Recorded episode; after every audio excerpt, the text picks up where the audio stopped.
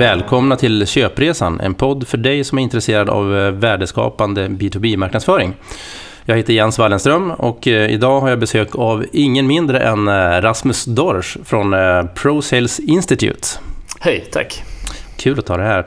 Du jobbar ju som sagt på eh, ProSales Institute. Och eh, kan du berätta lite mer om eh, eh vad ni gör för någonting där? Absolut. Eh, ProSales Institute är ett eh, bolag som bedriver forskning och studier inom sälj och marknad. Vi har länge varit på jakt efter det vi har kallat försäljningens DNA. Hitta nycklar som driver organisk tillväxt. Okej, det låter spännande. Vi får prata lite mer om det. Berätta lite mer om dig själv, din bakgrund och vad du gör idag för något. Absolut. Ja. Eh, själv har jag en eh, lång bakgrund inom linjen. Jag eh, har varit försäljningschef både på svensk och europeisk mark. Men sen åtta år tillbaka ungefär så jobbar jag som managementkonsult hos ProSales. Där jag bedriver, liksom i min roll, bedriver rådgivning och stöd till organisationer som vill just växa organiskt. Mm. Stöd utifrån vår forskning och studier givetvis, men även eh, utifrån andra erfarenheter från övriga, andra branscher helt enkelt. Mm. Vad gör andra företag som har lyckats? Vad finns det för fallgropar? Vad bör vi tänka på? Är vi på rätt spår? Utmana kunderna helt enkelt att tänka rätt när det gäller marknad och säljfrågor i organisk tillväxt. Vad, vad är det roligaste med ditt jobb? men självklart är det ju att, att få, få insyn och inblick i så många utav Sveriges liksom, främsta och eh, finaste bolag. Till samtidigt eh, vara med och, och, och, stötta nystartade entreprenöriella företag att, eh, att komma upp. Eh, att se mängden och, och eh, variationen av de bolag och branscher vi har i Sverige. Eh, och få vara delaktig helt enkelt och, och stötta. Fantastiskt roligt. Coolt. Ja, alltså du jobbar både, låter det som, med eh, lite mindre startups och eh, de riktigt stora bolagen. Absolut. Och mm. jag skulle säga att likheterna är, är slående. Idag så står de flesta bolag, oavsett vad man arbetar med inom business to business, inför samma, eller väldigt, väldigt lika i alla fall, utmaningar. Mm. Vi kommer till det lite senare. Tänkte jag. Eh, när man hör namnet ProSales så signalerar ju det eh, någonstans experter på sälj. Mm. Och, eh, idag så flyter marknad och sälj som funktioner flyter ihop allt mer. Eh, jobbar ni någonting med marknadssidan eller är det mest sälj? Eller är det lika Absolut. Mycket det, det är ju förflyttning som har skett under de senaste åren där, där marknad och sälj har blivit mycket, mycket mer integrerat. Eh, och framförallt så ställs krav på att sälj och marknad ska vara integrerat på ett helt annat sätt. Mm. Där ehm, jag menar, tittar vi bara tio år tillbaka någonstans så skulle jag säga att säljchefen var ganska ensam om att äga säljfrågan. Eh, säljfrågan idag ligger på, på ledningsnivå, på styrelsenivå. VD är involverad i allra högsta grad. Vi ser att marknad tar en mycket större och viktigare del i försäljningen. Eh, men likaså kundservice till exempel som har en väldigt liksom, ja, vad ska man säga, återkommande i alla fall, relation med, med kunden. Mm, mm. Så sälj har blivit en bolagsfråga och, och de två viktigaste aktörerna inom då försäljning och ett bolags eh, organiska tillväxt eller tillväxt överlag är sälj och marknad. Så funktionen måste samarbeta idag. Mm, eh, mm. Både givande och tagande från båda de två delarna. Just det. Och du var inne på det tidigare att skillnaden idag är inte så stor mellan ett startup och ett större bolag. Gäller det även här, liksom, när det gäller hur man har lyckats ja, självklart integrera? Kan, ja. kan det skilja på mm. headcounts. Ehm, det kan ju vara så att i mindre bolag så är det en och samma person. Men, men i stort, ja. Det, det, oavsett om du är liten eller stor spelare så, så spelar både sälj och marknad väldigt viktiga roller i dagens samhälle när det mm. gäller försäljning. Absolut. Eh, jo, jag vet ju att eh, ni på eh, ProSales Institute, ni både forskar och pratar mycket om eh, det som ni kallar för det nya köpbeteendet mm. inom eh, business to business. Eh, och det har ju skapat en massa nya utmaningar såklart för marknads och säljorganisationerna där ute. Kan du utveckla det lite mer? Ja men absolut. Det, jag skulle inte kalla det nya utan snarare det förändrade köpbeteendet och köpresan. Um, för um, 8-9 år sedan så tog vi fram en stor forskningsstudie som, eh, bedrev just, eh, som, som beskrev just den polariseringen som du är inne på. Eh, där vi historiskt sett kommer från ett och samma sätt att sälja. Det, det vi har valt att kalla ett traditionellt eh, säljbeteende och därmed kopplat till ett eh, traditionellt köpbeteende. En köplogik som eh, bygger på att man Eh, Eh, man köper ganska standardiserade produkter eh, där pris var väldigt viktigt. Ehm, säljaren hade sitt eh, sälj och marknadsmaterial, man kom ut till kund, ganska hårt paketerat. Man beskrev sin produkt och lösning och, hoppades att, och gjorde en behovsanalys och hoppades att det här skulle mappa med, med, med kundens behov och så vidare. Och I takt med två egentligen trender så har det här förändrats. Det ena är digitaliseringen. Eh, där kunder började ställa högre krav på enkelhet, eh, på pris, på hårt paketerade produkter. Eh, Om man inte längre såg ett behov egentligen eller ett värde i att träffa en säljare. Det här är produkter man, man såg låg risk med. Man var bekväm i den, den typen av inköp av produkt eller tjänst. Så att man lika gärna kunde köpa den transaktionellt, alltså på nätet. Eh, eller över telefon som var kanske det första steget i den transaktionella resan. Mm. Men idag, så, så, som alla vet, så ökar ju internet eh, och internethandeln liksom, eh, fortfarande i en stark tillväxt. Vilket gör att ju fler produkter eller tjänster man som köpare är bekväm att, att köpa på ett transaktionellt sätt så vill man gärna göra det. Man ser alltså inte ett behov eller ett värde i att träffa en, en säljare när det handlar om standardiserade produkter.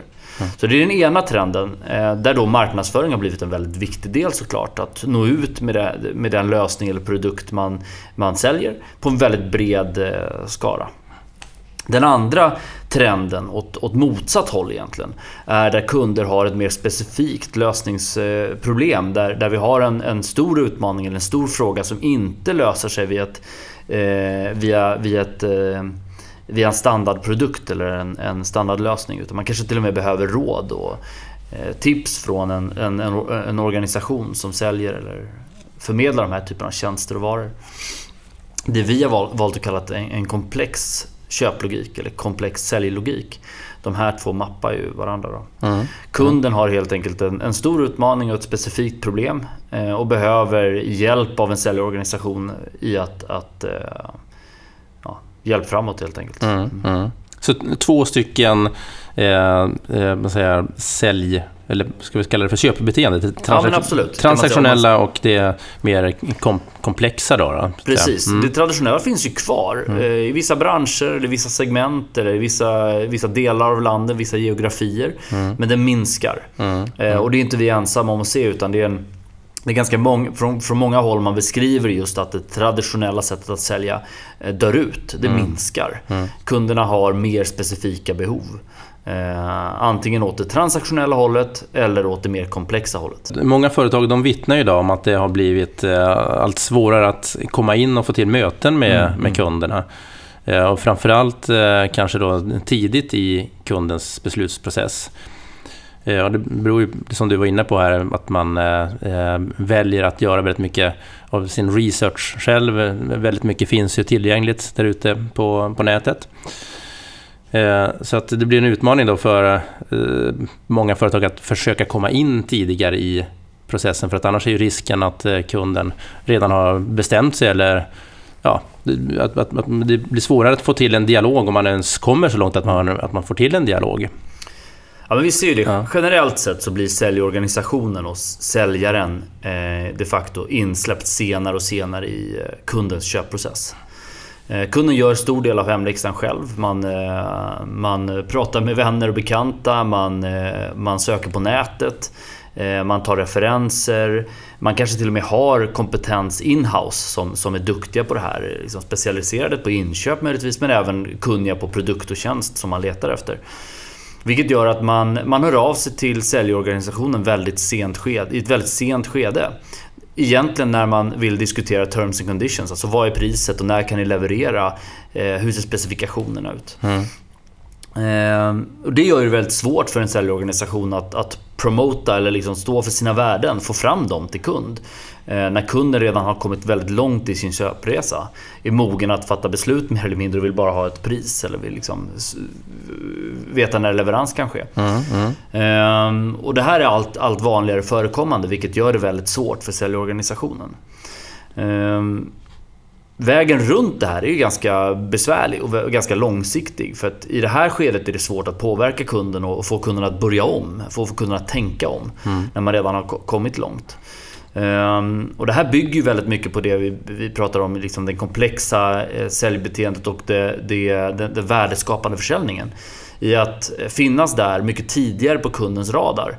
Eh, innan vi har fattat beslut om var, vilken riktning vi ska gå. Vem behöver vi prata med? Vilken sakkunnig person eller vilket företag bör vi alliera oss med eller kontakta? Mm. Eh, för att ta hjälp och stöd tidigt i den här processen. Mm. Man pratar thought leadership, alltså företag som vill stå för någonting, ha en spjutspetskompetens som är attraktiv för kunderna att komma åt.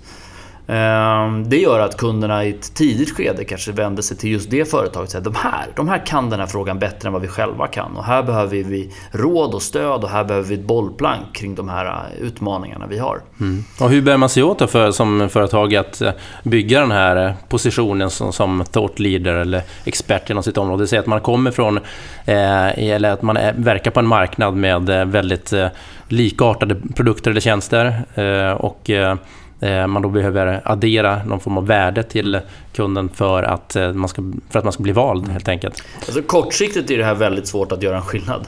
Eh, utan det, det, det, är ett långsiktigt strategiskt arbete att positionera sig på marknaden på det sättet. Och här kommer ju marknadsföring och marknadskanalen in givetvis som en viktig del.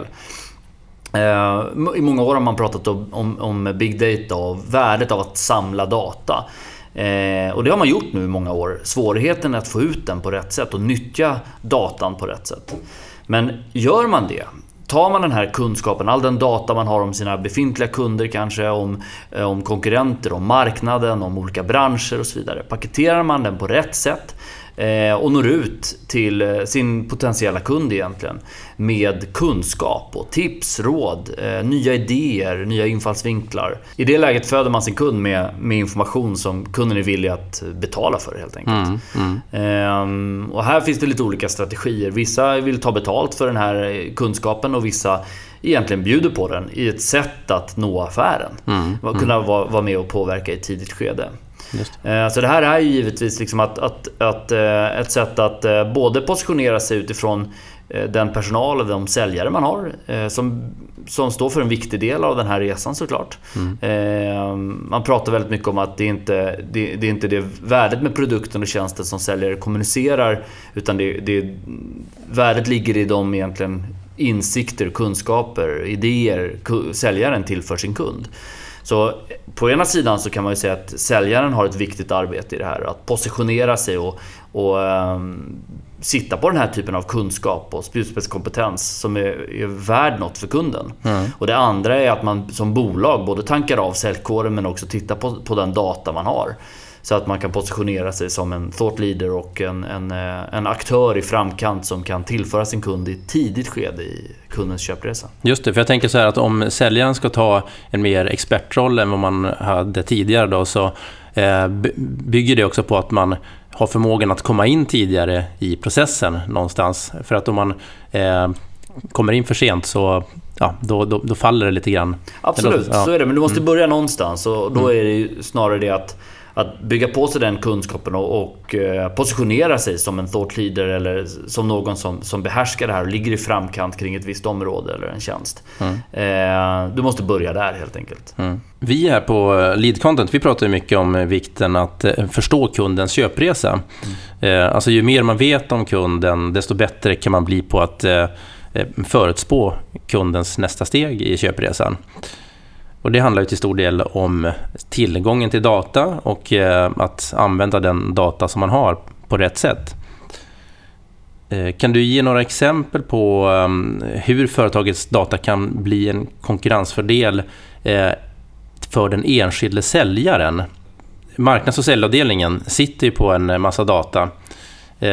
Hur, vad är din erfarenhet av förmågan att få ut det här datan och ge det som ett, liksom ett vapen för den enskilde säljaren?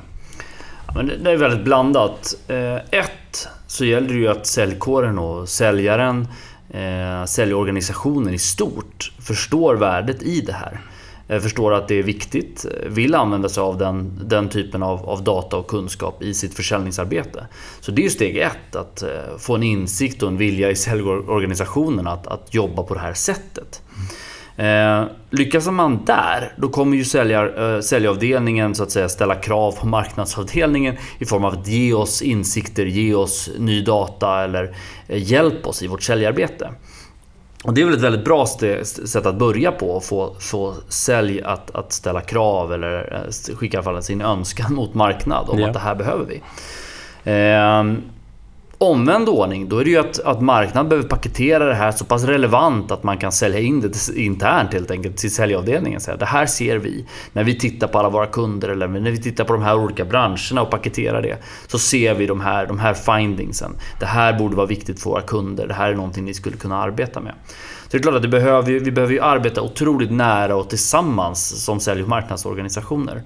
Eh, och inte mot varandra, som jag kan tycka att man har, har gjort historiskt. Eh, och, och, mm, I det här arbetet så, så är det svårt att beskriva var du börjar, men det, det är någonstans du kan börja i båda ändarna. Men jag tror även att en stor del av, av, eh, av arbetet kan göra hos den individuella säljaren. Om vi var lite mer vakna, lite mer nyfikna, lite mer eh, reflekterande kanske.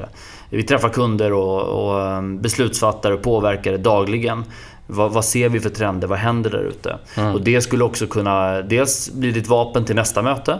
Men, men också föda marknadsorganisationen med det här ser jag, det här eh, bubblar där ute. Skulle ni kunna undersöka saken närmre och hur skulle vi kunna paketera det här på ett sätt? Eh, så hela tiden ett givande och tagande men jag tror inte att man jag ser, inte, jag ser inte att du kan börja egentligen i en ände utan du måste, måste jobba unisont i den här frågan och säga det här vill vi uppnå. Vi tror att vår data och den kunskap vi har är värdefull i vårt säljarbete. Okej, bra. Vad kan vi på sälj göra med det och vad kan vi på marknad göra med det? Mm. Så att man startar ett, ett projekt eller ett sånt här eh, förändringsarbete gemensamt.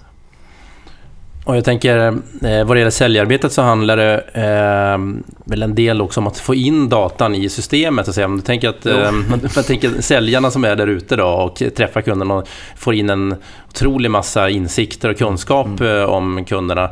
Eh, men sen om det stannar liksom i säljarens huvud så gör den inte så stor nytta mm. för resten av organisationen kanske. Mm.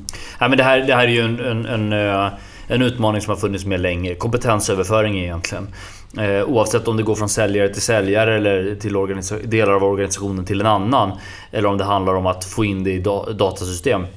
Det har alltid varit en utmaning. CRM-frågan har vuxit sig starkare de sista åren. Eh, där man ser att systemstöd är en viktig del i att lyckas med sin försäljning. CRM är ett, eh, ett typ av systemstöd som blir allt viktigare, framförallt i den värdeskapande försäljningen där vi behöver veta väldigt mycket om, om kunden, deras bransch och, och eh, strategiarbetet, kundplaner etc. Samtidigt så, så kvarstår ju utmaningen att eh, tid är en, är en eh, faktor såklart med i spelet. Vi, vi har inte riktigt tid och möjlighet att, att sitta, sitta och föra in den här typen av data i system. Vilket gör att man måste förenkla för säljaren såklart. Att, att ehm, göra den här typen av insats. Eh, men också få ut vinningen i det. Så att vi verkligen nyttjar den kunskap vi, vi har i systemet. Mm. Det är först då det börjar bli relevant. Jag har själv suttit många gånger i, i, eh, i tidigare roller där rapporteringen har varit en viktig del av, av mitt arbete. Men den blir ganska tröstlös när man upplever att ingen tittar på den rapportering du gör. Så tillbaka till CRM-systemen. att eh, Kan vi faktiskt nyttja den datan vi för in och kan man som säljare få en överblick, eh, jobba med dashboards och så vidare. Eh, få kopplingar till andra säljare kanske, eller andra distrikt eller andra branscher och så vidare. Då kan det vara ett, ett extremt starkt vapen att, att ha med sig ut i säljmötet och ut i, på marknaden. Men, men som sagt var, det, det är en bit, vi har en bit kvar. Det är, det är få bolag som jag träffar som har, har gått, lyckats gå hela vägen. Mm. Ja, verkligen. Jag hade en, en tidigare gäst här, Andreas Nergård från Odyssey, som jobbar just med dataanalys. Han vittnar ju just om problemet med att man jobbar i silo, så att man mm. samlar på sig en otrolig massa eh, data av olika slag, men att eh, man då liksom inte får ihop den här datan eh, och får hela bilden, utan eh, eh, och, och, så, så där är det ju på något sätt en organisationsfråga eller en strukturfråga. Absolut. Och det, det är mycket knyter an till vem, vem kunden är i segmenteringsfrågan helt enkelt. Om man tittar på mitt arbete som, som rådgivande konsult så, så är det en två, tre frågor som alltid mer eller mindre dyker upp oavsett bolag jag träffar. Och en utav dem är segmentering, alltså vilka kunder, vilken målgrupp ska vi egentligen bearbeta? Framförallt när målgruppen och kunden idag är så diversifierad. Några vill köpa standardlösningar, några har stora skräddarsydda utmaningar och, och, och behov och problem. hur ska vi egentligen tänka här? Ska vi nå ut till alla? Ska vi gå ut, nå ut till en viss del eh, i vår målgrupp? Och det här är direkt kopplat också till, till, till det du pratar om egentligen. Vi har en massa data men vad vill vi, vad, vad, vad vill vi nyttja den till? Mm. Eh, vilken data ska vi titta på? Vad ska vi paketera och, och för, för, vilken kund? Så de här två går hand i hand. Och är man för spretig där i sitt, sitt segmenteringsarbete och, och, vill nå ut, bara titta på försäljningen egentligen. Vi vill växa med, med x antal procent. Eh, men vi vet inte var vi vill växa eller mot vilken kund eller målgrupp ja, då blir det väldigt svårt också att veta var du ska börja och nyttja all den här datan du har samlat på dig. Mm, mm. Men kan vi göra ett, ett ordentligt analysarbete och titta på vem är vår målgrupp? Var befinner de sig i köpresan? Hur resonerar de i köpresan? Vad, har, vad, vad, vad tycker de är viktigt eh, hos en leverantör?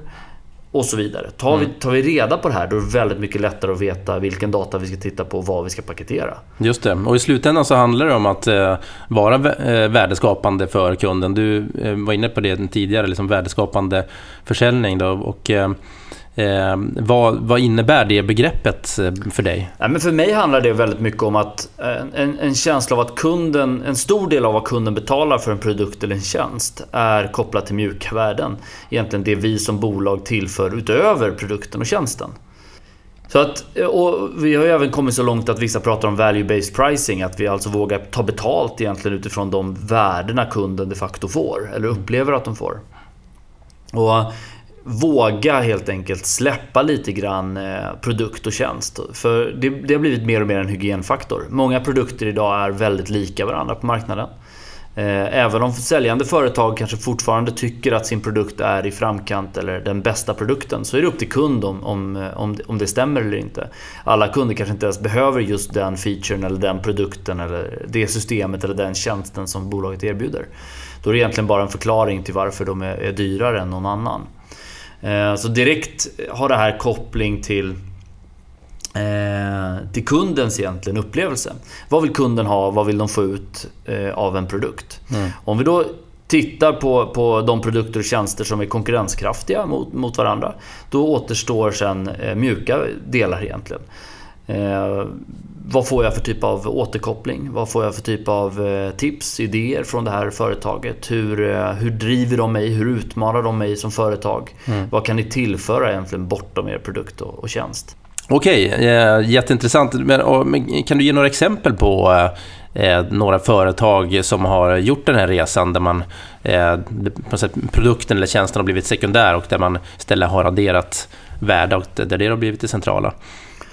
Absolut. Om man, eh, vi kan börja med ett, ett, eh, exempel som jag tycker är intressant att titta på en hel bransch. Eh, el, elindustrin egentligen. Där man under några års tid har, har en eh, klart lägre förbrukning utav hos sina, låt, låt säga privatkunder. Då. Eh, kunder blir mer medvetna om eh, el som en, som en kostnad. Eh, börjar se över sina, eh, sina maskiner som förbrukar el. Man byter ut ett brummande gammalt kylskåp till något AAA-klassat. Man byter glödlampor från 60 watt till 2 i LED. Och så vidare. Samtidigt sätter man upp solpaneler och man börjar tillverka sin egen el och så vidare. Det gör att förbrukningen har gått ner drastiskt. Samtidigt så är det väldigt svårt att konkurrera med, med elpriser. Alla har grön el och så vidare. Eh, utan att vara alltför insatt i den här branschen så kan man liksom se att de har en utmaning.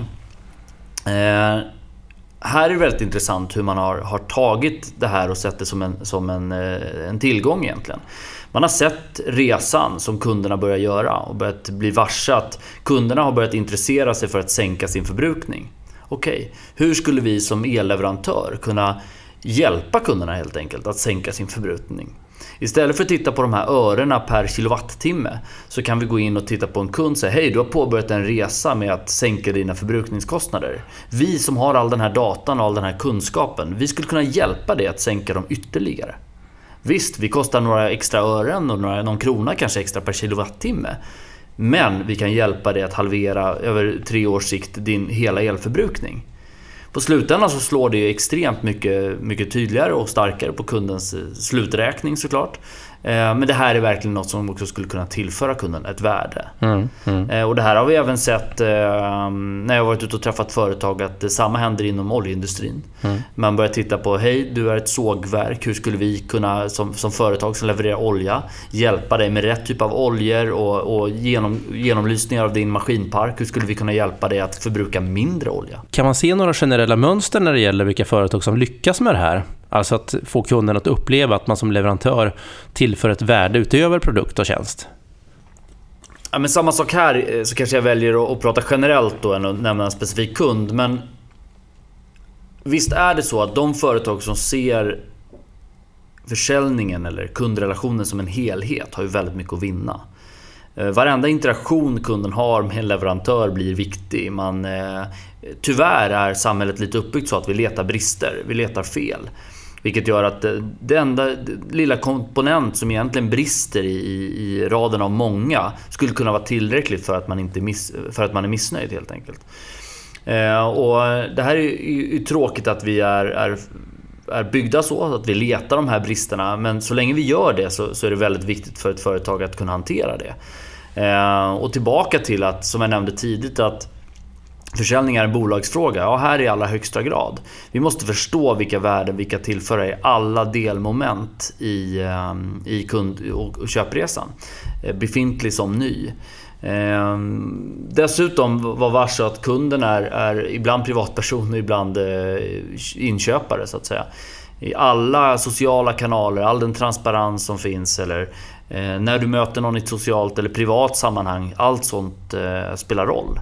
Så det åter, återkommer till att, att det är en ganska stark kulturell fråga också. Ett bolag som signalerar rätt typer av värden där alla är med på tåget och förstår eh, kunden i läget och gör det yttersta för att kunden ska, ska vara nöjd. Så det behöver inte vara direkt kopplat till sälj eller marknad för att, för att skapa mervärden så att säga. Utan det, kan, det, det är direkt kopplat till hela organisationen. Mm. Den här förflyttningen från det traditionella till den värdeskapande försäljningen. Det låter ju, på pappret så låter det ganska självklart. Men vi vet ju också att, eh, att det kan vara en ganska krävande process. Eh, vad finns det för nycklar för att tackla det här? Ja, men eh, helt rätt Jens, bra fråga. Det, det vi pratar om är förändring. Det kräver ett, eh, en förändring av organisatoriska strukturer, eh, förändrade arbetssätt, kanske se över KPI-modeller, bonusstrukturer. Eh, man kanske inte har de kompetenserna hos sina befintliga säljare att göra förflyttningar. Det är ett gediget förändringsarbete. Man kan tackla det på lite olika sätt givetvis. Ehm, men som allt förändringsarbete så börjar det vid insikt vi måste förstå i, i bolaget eller det företag vi arbetar i att, att det händer saker i vår omvärld. Kunderna ställer nya krav, andra krav, har förflyttat sig i en snabb takt. Vi måste hänga med. Vi måste känna igen oss i den förflyttningen som bolag och sen vilja göra någonting åt det. Det är de första två och absolut viktigaste egentligen stegen i förändring. Insikt om förändringen och att vi bör göra en förändring och viljan till att förflytta oss. Mm, mm. Bara det här, de här två stegen kan ta enormt lång tid. Mm. Men är nog så viktiga för att kunna ta till sig den här nya kunskapen. Så det är ett gediget arbete och även här då kan du nyttja den datan som jag beskriver genom att sälja internt och få med folk på den här förflyttningen. Mm. Eh, och sen, eh, även om man då har en vilja och en insikt kring det här så krävs ju stora förändringar för att få det att hända. Som jag nämnde, vi kanske behöver förändra vår struktur eller hur vi är organiserade eller se mm. över eh, våra kompetensmodeller och så vidare. Mm. Ett, ett annat sätt att attackera frågan som vi, vi ser det är ju att liksom pilotera eller testa en, en, en, ny konstellation. Att man kanske säger att Nej, men nu plockar vi ut ett visst antal kunder som har ett visst köpbeteende som inte riktigt lirar med hur vi har sålt historiskt. Mm. Och så ser vi över eh, den kundgruppen och säger så här, här har vi dem. Det finns en tillväxtpotential eller så här, så här många är de. Hur skulle vi, om vi fick på, börja om på ett nytt papper, hur skulle vi tackla de här kunderna? Hur skulle vi skapa förändring eller skapa verkligen värden som vi kan ta betalt för och så vidare. Sen till tittar man på de strukturerna, man sätter dem på plats och man kanske till och med låter folk internt söka till den nya avdelningen man har skapat. Eh, man kanske tar in extern kompetens och så vidare. Och så bygger man ett proof of concept. Ehm, man har en chans att inte bara jobba med förändringsledning här utan man, man jobbar helt enkelt med, från grunden och skapar ett, ett säljsätt som passar kundens eh, köpsätt. Då. Ett gillar, som mappar kundens köplogik. Ja. Jag gillar verkligen den tanken, liksom, att man eh, skapar någon form av prototyp. I det här fallet blir det någon form av liksom, organisation i organisationen som ja, får jobba på det här nya sättet. Eh, och eh, Istället för att man börjar med att ta det här jättegreppet, om man nu är en stor organisation som kanske tar eh, åratal då, att förändra ett beteende medan man här då kan eh, testa sig fram i lite mindre skala och sen ja, sen skala upp det och, exakt, och, lä och lära exakt, sig. Exakt. Och, det, och som, jag, som jag nämner, det här, bara för att det finns möjligheter att arbeta på ett nytt sätt så, så behöver inte det betyda att det, det, gamla sättet är helt fel. Men kanske inte rätt för alla kunder. Eh, man kanske behöver smalna av det eller framförallt välja rätt, rätt kunder som mappar och passar det, det, det säljsättet som man har liksom, traditionellt eller mm. historiskt. Mm, men med ett, ett, en pilotering eller med ett test, man, man tar ett nytt grepp så, så kan ju det också vara ett sätt att locka, locka folk och bevisa att det här funkar. Det verkar spännande, det ger avkastning, det ger effekter, vi växer. Mm, eh, mm. Kunderna verkar uppskatta den här approachen och så vidare. Så är det ju eh, ett, ett sätt också att få med sig organisationen i det nya tänket. Mm, mm.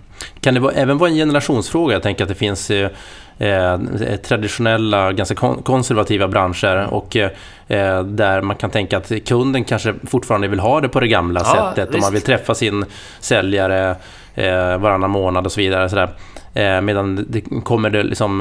Eh, nu generaliserar jag här, men jag tänker mm. att det då kommer upp en, en yngre eh, kundgrupp som är vana att... Eh, som helt enkelt har eh, med sig i blodet, på ett, ett annat köpbeteende. Ja, men det, det, är jätteintressant. Jag har varit med och, och stöttat företag i båda de här perspektiven. Eh, vissa företag de, eh, de går i bräschen själva. Så vi kommer se att vi har sett i andra branscher, andra, andra industrier eller andra länder den här förflyttningen. Den kommer drabba oss också. Det här kommer ske. Låt oss gå i bräschen, låt oss förändra med, innan kunden egentligen har förändrat sitt sätt att köpa.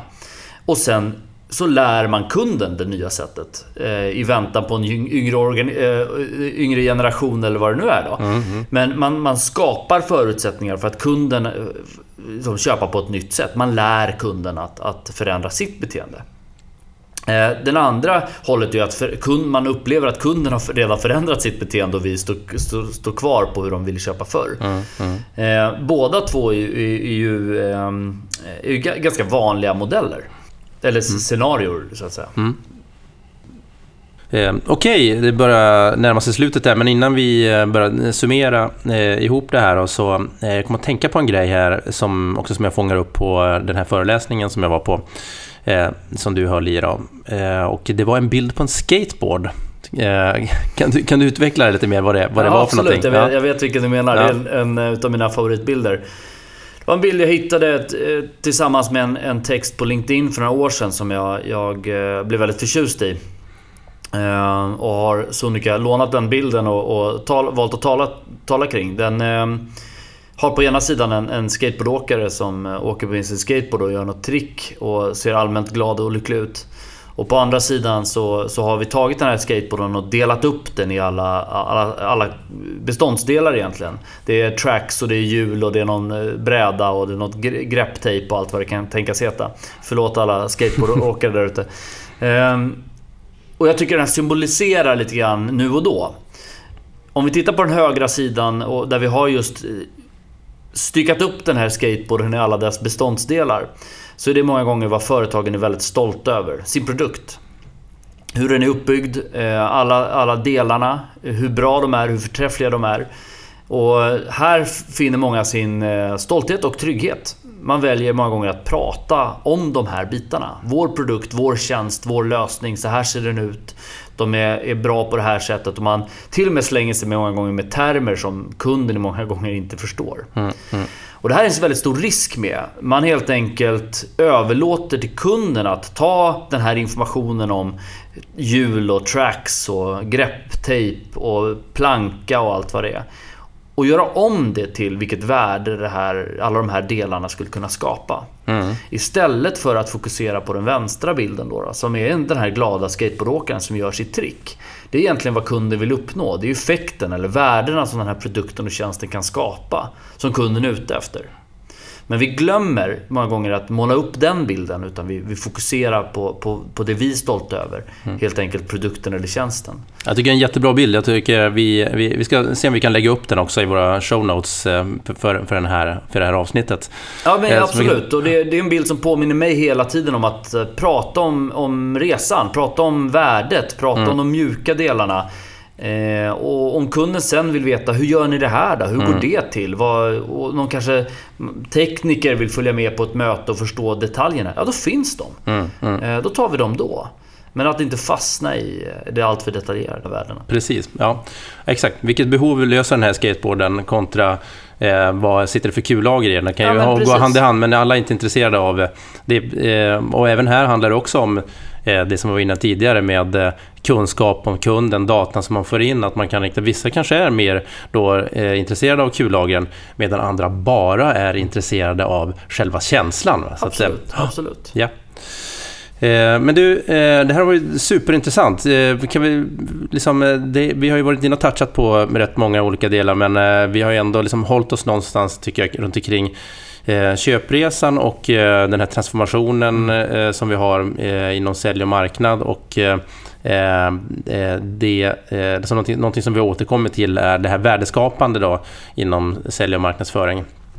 Ska vi göra oss ett, ett försök att summera ihop det här på något ja, sätt med, med, med jag, dina egna ord där? Ja, jag gör ett försök. Mm som du säger själv, det är, det är en ganska stor fråga. Det är en väldigt generell och, och viktig men väldigt generell och stor fråga. Mm. Men det som jag upplever har skett är att det har hänt mer på köpsidan.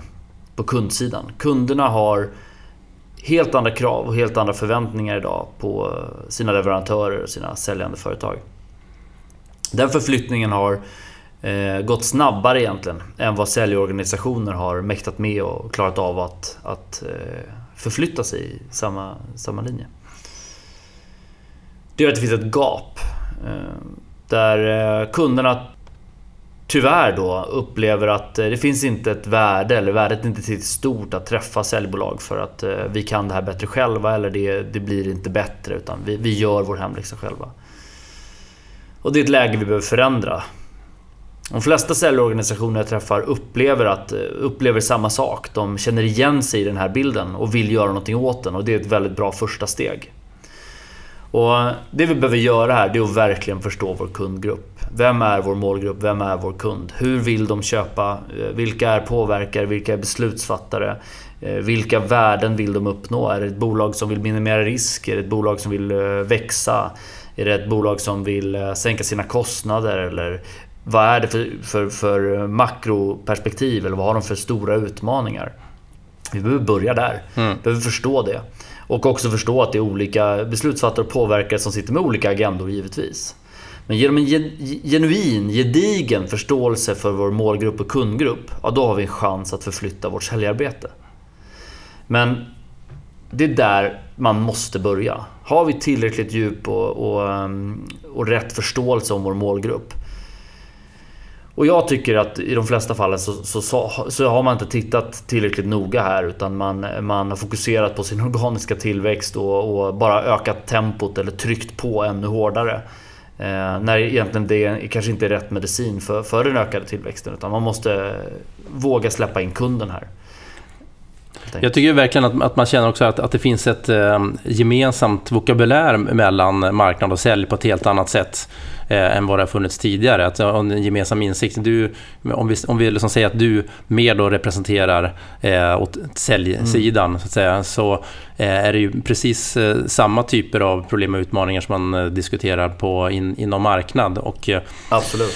Ett bra tips som vi fick med oss här av många, tycker jag var just det här att eh, man startar en pilot. Att man inte eh, sitter där och tycker att man inte kan förändra eh, någonting bara för att man inte kan förändra hela organisationen. Utan man kan faktiskt kan förändra på liten skala och sen lära sig av det. Och ehm, eh, det kan då liksom leda till en större förändring i slutändan. Jo, men jag håller med dig Jens. Det är, ehm, det är en väg framåt. Idag är det väldigt lätt att den här typen av utmaningar för företag blir ofantligt stora. Eh, så stora att man känner att det är ingen idé, vi ger upp eller vi mäktar inte med, vi, vi kommer inte klara av det här.